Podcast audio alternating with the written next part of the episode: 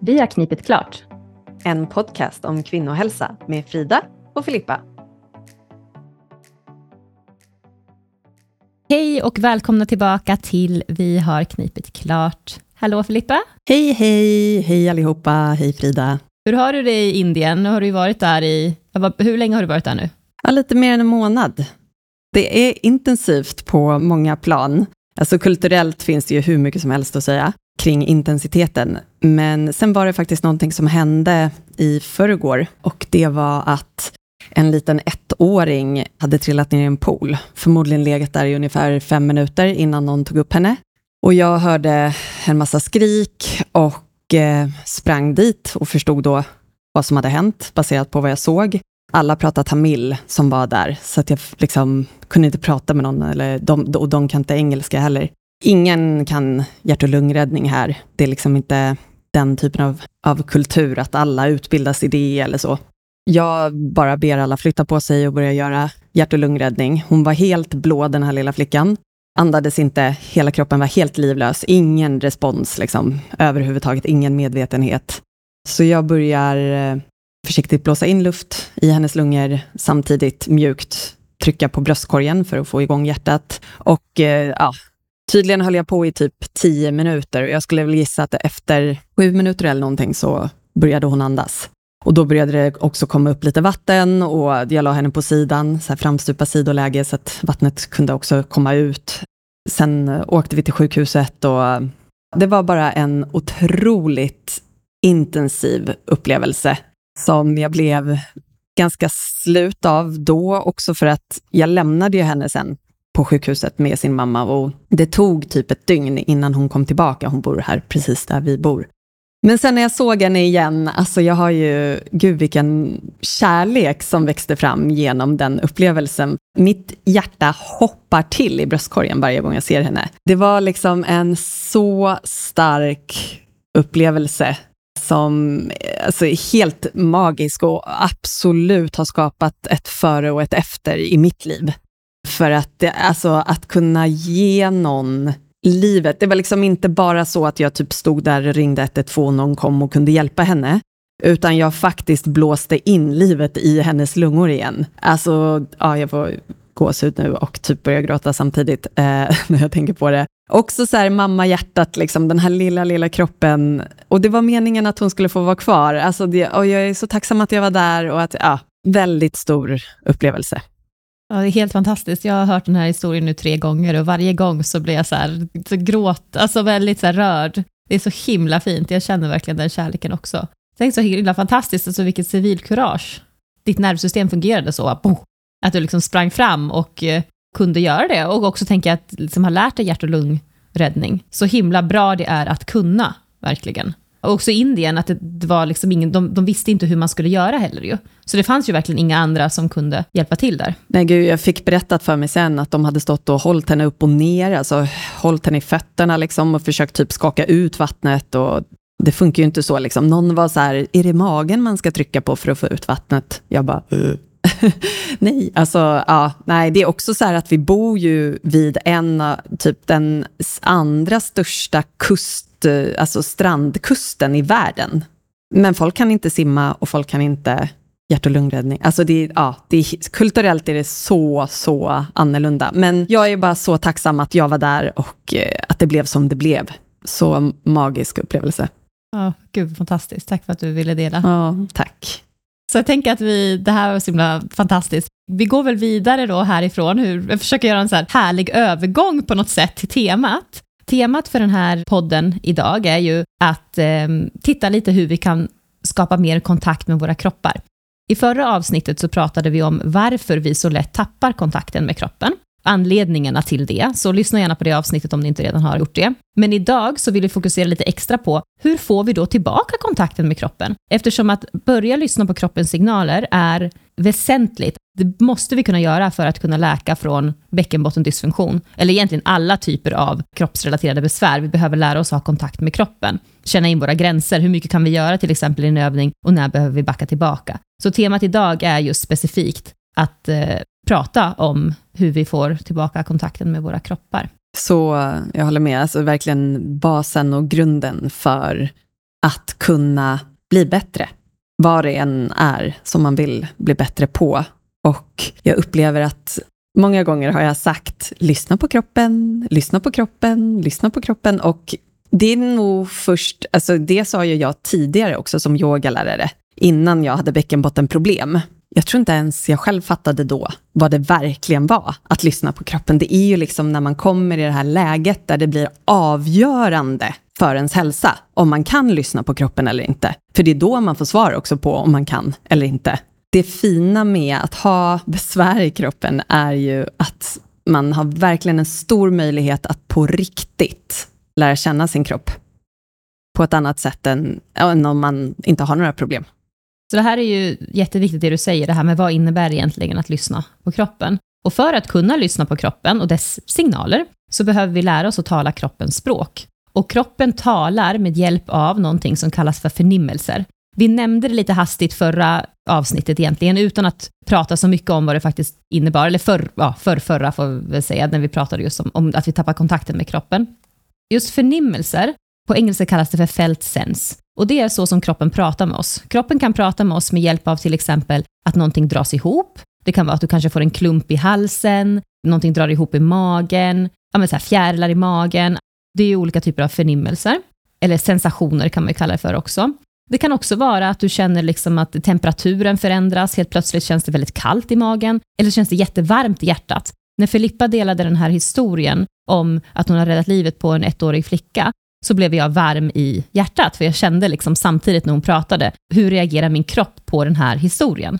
Och samtidigt om du i början när du delade den här historien, så kände jag liksom att det började snurras åt i, i halsen. Vad, vad kommer hända? Liksom man kan gärna nu när vi börjar prata om förnimmelser gå tillbaka egentligen och lyssna på det Filippa sa och sen börja tänka vad hände egentligen, vad händer i din kropp när du lyssnar på den här historien? För att hela tiden så talar kroppen med oss, men ofta så hör vi det inte. För vi är lite väldigt mycket uppe i tankarna, kanske tänker att ah, vad ska nästa svar, vad ska jag säga, vad ska jag svara på det här till exempel, hålla igång en dialog. Och så tappar vi kontakten med oss själva. Så förnimmelser kan ju också vara liksom att, som jag sa, du känner tryck, du känner att någonting öppnar upp sig, att andningen förändras, att det plötsligt blir lättare för dig att andas. Det är ofta ett, ett tecken på att din kropp känner sig trygg. När bröstkorgen känns som att den dras ihop och komprimeras så kan det mer kännas att jag, jag är otrygg här, till exempel. Så förnimmelse talar om för din kropp egentligen, är du i en säker situation eller är du inte det? Och allt eftersom så kommer man börja bli bättre och bättre på att lägga märke till vad som händer i kroppen när man pratar med olika människor, när man gör olika saker och så vidare. Så till exempel, du lyssnar på någonting, en historia som är alltså, helt fantastisk med Filippas historia som slutade gott och det har en reaktion i din kropp.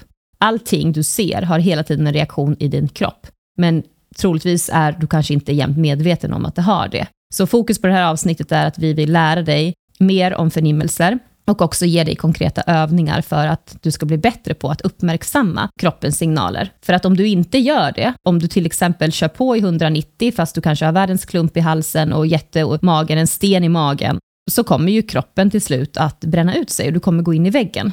Och sen så, så kanske man blir sjukskriven och sen så vilar man lite grann och så kommer man tillbaka och sen blir det samma sak som upprepas igen. För mönstret är fortfarande att du har ingen kontakt med kroppen. Och kroppen skriker men du hör inte det. Så målet med avsnittet här är att börja sakta in och att du ska få lite konkreta verktyg för att börja lyssna mer på din kropp. Superbra sammanfattning eller så här, överblick vad det är vi ska prata om. Och eh, jag vill bara lägga till där att förnimmelser är ju också sådana här eh, basala behov. Nu behöver jag gå på toaletten, nu är jag hungrig, om allt annat som vi pratar om idag känns svårt eller abstrakt, att börja hitta olika typer av förnimmelser i kroppen, vad den säger, hur talar den liksom, och hur ska jag identifiera det och när? För att är man van vid att tänka mycket i huvudet, då kan det vara svårt att komma ner i kroppen och uppleva de här förnimmelserna. Men då kan man ju börja med sådana här äh, ganska markanta grejer och som de flesta ändå kan känna någon gång under dagen känner man sig ofta kissnödig eller bajsnödig eller hungrig. Eller, och att också börja ta det i beaktande. Att inte, om man kan, det beror på hur ens schema ser ut och liksom vad man jobbar med och många sådana grejer, men att ge kroppen det den behöver när den kommunicerar det. Sen mår ju kroppen också väldigt bra av rutiner, så att har man ett bra schema för när man äter till exempel, och så här, då brukar ju kroppen vara ganska synkad på det. Men ändå att ta hänsyn till även den typen av förnimmelser. Sen kommer ju vi också komma in lite mer på nu, hur kan man kanske identifiera förnimmelser när man gör andra saker och när man lever i sin vardag, för att det är ju någonstans dit vi vill börja komma. För då kan vi också vara vaksamma när de här intressanta tillfällena blir och vi kanske liksom om någon går över vår gräns till exempel och vi behöver sätta en gräns. Tänk om vi kan börja identifiera hur det känns i vår kropp. Då blir det mycket lättare för oss att sätta den gränsen. Men det är inte där vi börjar. Vi börjar liksom med att träna upp oss, att identifiera olika typer av förnimmelser vid olika tillfällen under dagen. Ja, men precis. Någonting som jag tänker kan vara värdefullt för att börja liksom lära känna in lite grann just med förnimmelser, det kan vara då och då ställa frågan till sig själv under dagen, till exempel, hur kan, om du till exempel sitter ner eller vad det nu må vara, hur kan jag göra den här sittande positionen lite, lite skönare just nu? Så att det kan vara att du kanske flyttar undan lite skinkan, öppnar upp lite grann och så sätter jag mig lite bättre på något sätt. Eller jag kanske sätter på mig en tröja så jag blir lite varmare. Och som bara känn in den förändringen när du gav det till kroppen. Vad händer då när du liksom har förändrat och gjort det lite skönare? Hur märker du i kroppen att kroppen känner att det är lite skönare? Kanske du märker att axlarna kommer ner lite mer till exempel, eller magen slappnar av. Så där är så små grejer man kan göra i vardagen. Hur kan jag göra att det känns lite bättre, pyttelite bättre just nu? Vad kan jag förändra för det? Och bara se hur svarar kroppen på det just nu. Det tycker jag är så bra att du säger, alltså det här med att fokusera på det som känns bra och göra lite till av det, eller lägga till någonting så att det känns ännu lite bättre. Därför att det som jag insåg när jag började jobba med förnimmelser i kroppen för att läka, det var att i yogavärlden så är det ofta, ofta så att vi fokuserar kanske, vi jobbar med förnimmelser. Det gör man ju i yogan har man en bra lärare i alla fall, så guidas man ju in i att ta hänsyn till sin kropp och lyssna på kroppen. Men ofta är fokus, var är det tajt? Var är det spänt? Var, är det, var gör det ont? Också ibland bara vända det till, var känns det bra i kroppen just nu? Och sen, alltså sen blir det ju en top-up att göra det du sa Frida, att liksom, och kanske kan det kännas ännu bättre genom att göra så här. Men man kan också bara i, i en eh, stund då man kanske åker buss eller lagar mat, vad man än gör, så här, försöka att identifiera en plats i kroppen som bara känns bra. Det blev för mig väldigt viktigt, eftersom jag inte kunde sluta tänka på min bäckenbotten. Jag blev ju manisk när jag hade framfallet. Jag, varenda sekund var jag medveten om min bäckenbotten. Så när jag till slut kunde bryta det mönstret och börja känna av andra kroppsdelar. Jag har ju faktiskt andra kroppsdelar. Alltså jag måste ju inte fokusera där. Jag kan träna mig till att börja fokusera på andra platser. Då började saker och ting skifta. Ja, men precis. Det där är ju en jätte, jätteviktig grej. Och, och framförallt också ja, med de kvinnor vi jobbar med, som antingen kanske har smärta eller tyngdkänsla eller att väldigt mycket obehag. Det som händer när man har gått med det här obehaget, smärtan en längre tid, det är att nervsystemet blir jätteduktig på att varna för fara gällande det här området hela tiden. Så konstant så skickas det ut signaler om att här gör det ont, här är det obehagligt. Du kommer in i en stresscykel helt enkelt. Så hjärnan programmeras om till att hela tiden varna för att det är någonting som är fel i kroppen. Så här vill vi ställa om, programmera hjärnan igen, åt andra hållet, genom att, som du säger, ställa frågan vad känns bra eller neutralt i min kropp just nu? Och bara gång på gång på gång, och sen föra uppmärksamheten dit. För vi är en hel kropp, vi är mer än ett vandrande underliv som är ute och går. Man får en väldigt begränsad kroppsuppfattning när man hela tiden enbart känner att man är ett underliv. Man tappar resten. Eller tvärtom är det många kvinnor också som typ har en så här grå fläck typ över hela bäckenet och kanske magen. De är medvetna och är okej med sina ben. Sen är det något diffust och sen från bröstkorgen upp typ. Att man bara har stängt av. Precis, så kan det också vara, att det är freeze, liksom, att det är avdomnat, underlivet är i freeze. Men det var en, en intressant grej alltså, som, som hände mig för typ något år sedan, när jag kom in i en stressad period och kände att jag började få ont i mitt underliv. Och jag menar, jag har ju hur många videofilmer som helst. Jag kan ju yoga för mig själv, om jag så skulle vilja. Liksom. Så jag bara, gud vad ska man ta nu då? Liksom. Men jag bara, nej. Och så, så låg jag i sängen, det här var precis skulle sova, stressig period. Och sen så ställde jag mig själv den här frågan, precis den här frågan. Vad känns bra i min kropp just nu? Eller vad känns neutralt i min kropp just nu? Märker då att det som känns bra är liksom hela min överkropp. Och sen för jag uppmärksamheten till hela överkroppen och jag går också in i den här förnimmelsen, liksom får verkligen känna, okej, okay, gränserna är så här, det går upp till huvudet och det är väldigt tydliga gränser. Och jag ställde också frågan om den här förnimmelsen hade haft en färg, vad hade det varit då? Jag bara ljusgrön till exempel, alltså det första som bara kom. Och sen så verkligen gick in i det där och jag kände den här, gud vad skönt det är att fokusera på överkroppen. Samtidigt som jag gjorde det så märkte jag hur min bäckenbotten bara slappnade av. För att det var tryggt. Helt plötsligt var det tryggt i kroppen. Det var ingen fara i kroppen, jag behövde inte fly från min kropp. Att det var liksom som ett fängelse som jag skulle försöka bryta mig ur. Och då kommer man ju in i det här flyktbeteendet, eller liksom kämpa, alltså fight or flight. Så istället så märkte jag, ja men det är jättetryggt, jag stannar kvar här, och då slappnar bäckenbotten av. Och sen var det ju inget problem. Och jag tänker på liksom, så himla, vad ska jag säga, simpel övning. Istället för, okej okay, nu ska vi göra massa stretcher, hur ska vi göra det här? Och det är det liksom som jag predikar typ hela tiden. Trygghet, trygghet, trygghet. Alltså när det är just spändhet och smärtproblematik. Det behöver inte stretchas, det behöver inte bändas med dilatorer och massa sådana saker. Vi tar hand om, alltså skapa trygghet i kroppen, bäckenbotten slappnar av då. Sen måste jag ändå säga att du har ju en viss avancerad nivå du kunde guida dig själv och svara på frågorna och ja. liksom ställa lite mer komplexa frågor. Men jag älskar ju de där, jag brukar ju fråga det till mina barn, när de upplever en stark känsla, framförallt liksom lite så här ilska eller någonting. Då är jag så här, var känns det någonstans i kroppen? Vilken färg, vilken form? De bara svarar. För de är det så, de är, vet exakt. Och det är så fantastiskt när de får sätta ord på det. Och jag behöver bara ställa typ två, tre sådana frågor och sen har de sprungit iväg och lekt och hittat på något helt annat. Så då har ju de liksom fått processa det, kanalisera, liksom, reglera det. Så supereffektivt. Och vill man börja med det här så är ju just den där frågan som du ställde, den första frågan, liksom, var någonstans känns det bra eller neutralt i kroppen? Och börja där. Man, det är det enda man behöver komma ihåg egentligen, som ett första steg.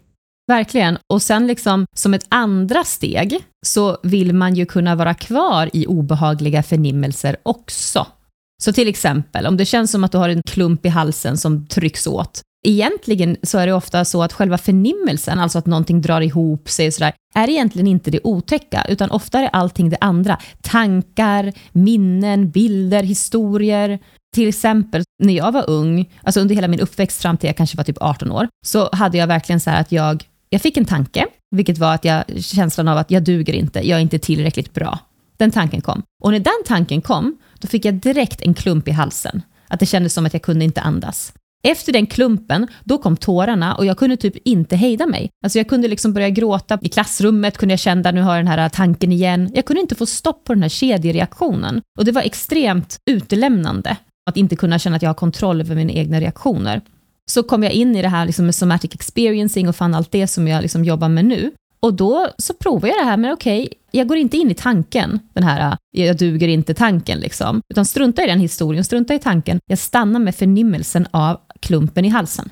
Så jag stannar med förnimmelsen av klumpen i halsen, och när jag gjorde det så märkte jag att den försvann, att den så sakta började minska och minska och minska. Tårarna kom inte, och det var inte så att jag föll över i den här äh, hysteriska gråten till exempel. Kedjereaktionen bröts genom att strunta i huvudet och tankarna och enbart stanna med förnimmelsen. Förnimmelsen är inte det farliga alls, utan det är allting som är kopplat till det. Minnen, tankar, jag duger inte, jag är inte tillräckligt, fram och tillbaka. Och sen så drar det igång. Liksom. Det är så intressant, för att det är som att du hade den här klumpen som var så jobbig och tog din liksom, uppmärksamhet och skapade allt det här obehaget runt den här kedjereaktionen. Och ändå låg typ svaret i klumpen.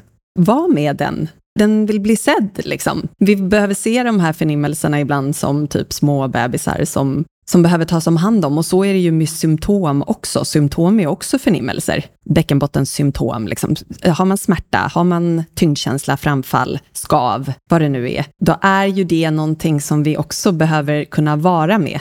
Men för många är ju det också överväldigande i början. Man kanske inte kan börja där, återigen, utan det här var andra steget då, att kunna vara med den här utmanande känslan som är svår att vara med som sagt, börja med det första steget. Identifiera vad känns bra, vad känns skönt kanske till och med. Och sen när tiden är mogen och det kommer din kropp veta, då stannar du med de här obehagsförnimmelserna mer. Precis, och då kan man faktiskt göra liksom att om man hittar en obehaglig förnimmelse i kroppen, någonting som kanske dras ihop eller något som är obehagligt, så kan du fokusera på den, men samtidigt som du också fokuserar på någonting som känns neutralt och behagligt. Så du fokuserar på två platser samtidigt. Du hittar en del i kroppen som känns neutral eller behaglig och så har du en del av kroppen som känns lite mer obehaglig. Stanna på platserna samtidigt och känn dem samtidigt. Och är det svårt kan du också hoppa emellan. Några sekunder på obehagliga, några sekunder på behagliga. Och så gör du på det viset och så kommer du märka också att den obehagliga förnimmelsen med största sannolikhet kommer minska mer och mer och mer. Och sen så genom att tränar vi oss själva på att förnimmelser är inte farliga. Det som sätter igång stressreaktionen, det är allting annat. Minnen, känslor, jag klarar inte av det här, tankar, allt det där. Men gå bort från historien och stanna bara med förnimmelsen. Den i sig är inte farlig. Så enkelt och så svårt på samma gång. Ja, på samma gång. det handlar ju bara om träning, alltså faktiskt. På sätt och vis är det ganska enkelt, men tänk om alla bara fick lära sig det här i skolan istället. Ja, men det är ju så. Vi, vi har ju tendens att vi undviker känslor till varje pris. Ja, men som den där klumpen i halsen som du sa, den var ju jätteobehaglig. Det var väl det sista jag hade tänkt att jag skulle gå in i. Men när jag väl stannade vid den så var den inte obehaglig. Alltså det var tankarna kopplade till den. Att jag inte är tillräcklig. Det var det obehagliga. Och det här coola hur den då, liksom, när du stannar med den och liksom står där ansikte mot ansikte typ med den, att den löses upp. Den är ju inte på riktigt. Det är någonting som bara har blivit ett mönster. Ja, det är ett väldigt drillat mönster. Det är lite grann som man säger det här typ i drömmar, att om man blir jagad i drömmen, att man bara springer, springer, springer. Att man ska försöka, alltså jag vet inte exakt hur det här går, men det är undermedvetet man sover. Men det bästa är att vända sig om i drömmen och se och titta på vad är det för någonting. Och det kanske är en liten hundvalp, liksom, troligtvis. ja. Men att man har förstorat upp det väldigt mycket. För man har varit rädd för det här, vad det nu må vara, under en väldigt lång period. Så grunden är ju att våga stanna kvar i kroppen lite granna. Genom att du börjar med att hitta det som känns skönt och det som känns behagligt. Det är så du börjar lära dig att hitta in i kroppen, hitta förnimmelser och våga stanna kvar ett tag. Och känna också att alla förnimmelser är heller inte obehagliga. Det finns ju fantastiska förnimmelser som gör, ja men som man lyssnar på Filippas berättelse i början då jag kände hur hela mitt hjärta bara pulserade och det var jättevarmt liksom. Det är ju en fantastisk förnimmelse och bara att vara medveten om det gör ju att livet blir ju så himla mycket häftigare. När man kan liksom verkligen, jag lever mig in, jag lever verkligen, att få uppleva det där, inte bara tankar i huvudet, utan jag känner i kroppen hur den här historien påverkar mig och få uppleva den liksom kärleken, värmen, tacksamheten och så vidare. Förkroppsligande, alltså vi lever ju ändå i de här kropparna. Det är en magisk upplevelse jämförelse med att bara stanna i huvudet. Så ett konkret tips nu, nu är ju jag i Indien, men ni, de flesta av er är ju i Sverige. Nu kommer vårsolen fram. Så när du kan, bara gå ut och ställ dig, känn solstrålarna mot ansiktet, mot huden, de delarna du har i sol. Bara det är en jättebra start. Stanna kvar i den känslan. Hur känns det när solen landar? Och vad har det för färg? Vad, vilken form tar det? Eller bara, bara vara i det. Man behöver inte alltid analysera heller, utan bara stanna. Men det är ju en ganska enkel grej att njuta av, tänker jag, efter en lång mörk vinter. Ja, det är en jätte, jättebra idé. Det, vi hade sol igår här faktiskt, men jag var knappt ute, men, och idag är det grått. Men vi hoppas att solen snart kommer fram, så vi ja, kan nästa gå gång. över. Nästa gång solen kommer fram, då, då kan vi göra det. Och samma sak, om du äter någonting gott eller någonting, bara sakta ner och liksom se om du kan uppleva den goda maten och se hur reagerar din kropp på att du äter det här goda. Vad lägger du märke till händer? Kanske någonting slappnar av eller liksom, bara vara nyfiken. Och att hitta in i en regelbundenhet. Och det pratade ju vi här om i, för några avsnitt sen, alltså att hitta rutiner så att det blir det här, och just det, nu dricker jag mitt kaffe. Nu känns det ju skönt här i kroppen, till exempel, eller det smakar gott, eller vad det nu. Gör sådana här incheckningar som jag har varje dag. Och sen över tid, då kommer det bli spontant att nästan en tanke kommer till dig. Åh, vad skönt. Alltså, du behöver inte tänka, just det, jag måste känna efter hur det känns i kroppen och det här med förnimmelser. I början kanske det är lite mer så, för att man håller på att lära sig något nytt. Men ju mer man gör det, desto lättare blir det för kroppen själv sen att bara så här, oh, det här, mm, ah, det här, liksom. Det, det är som att surfa på, på vågorna. Så med de orden tänker jag att vi avslutar det här avsnittet om eh, hur vi börjar lära oss att lyssna på kroppen igen. Tack så jättemycket alla som lyssnar och tack till Filippa. Ja, stort tack för idag. Tack, tack. Hej då. Hej då.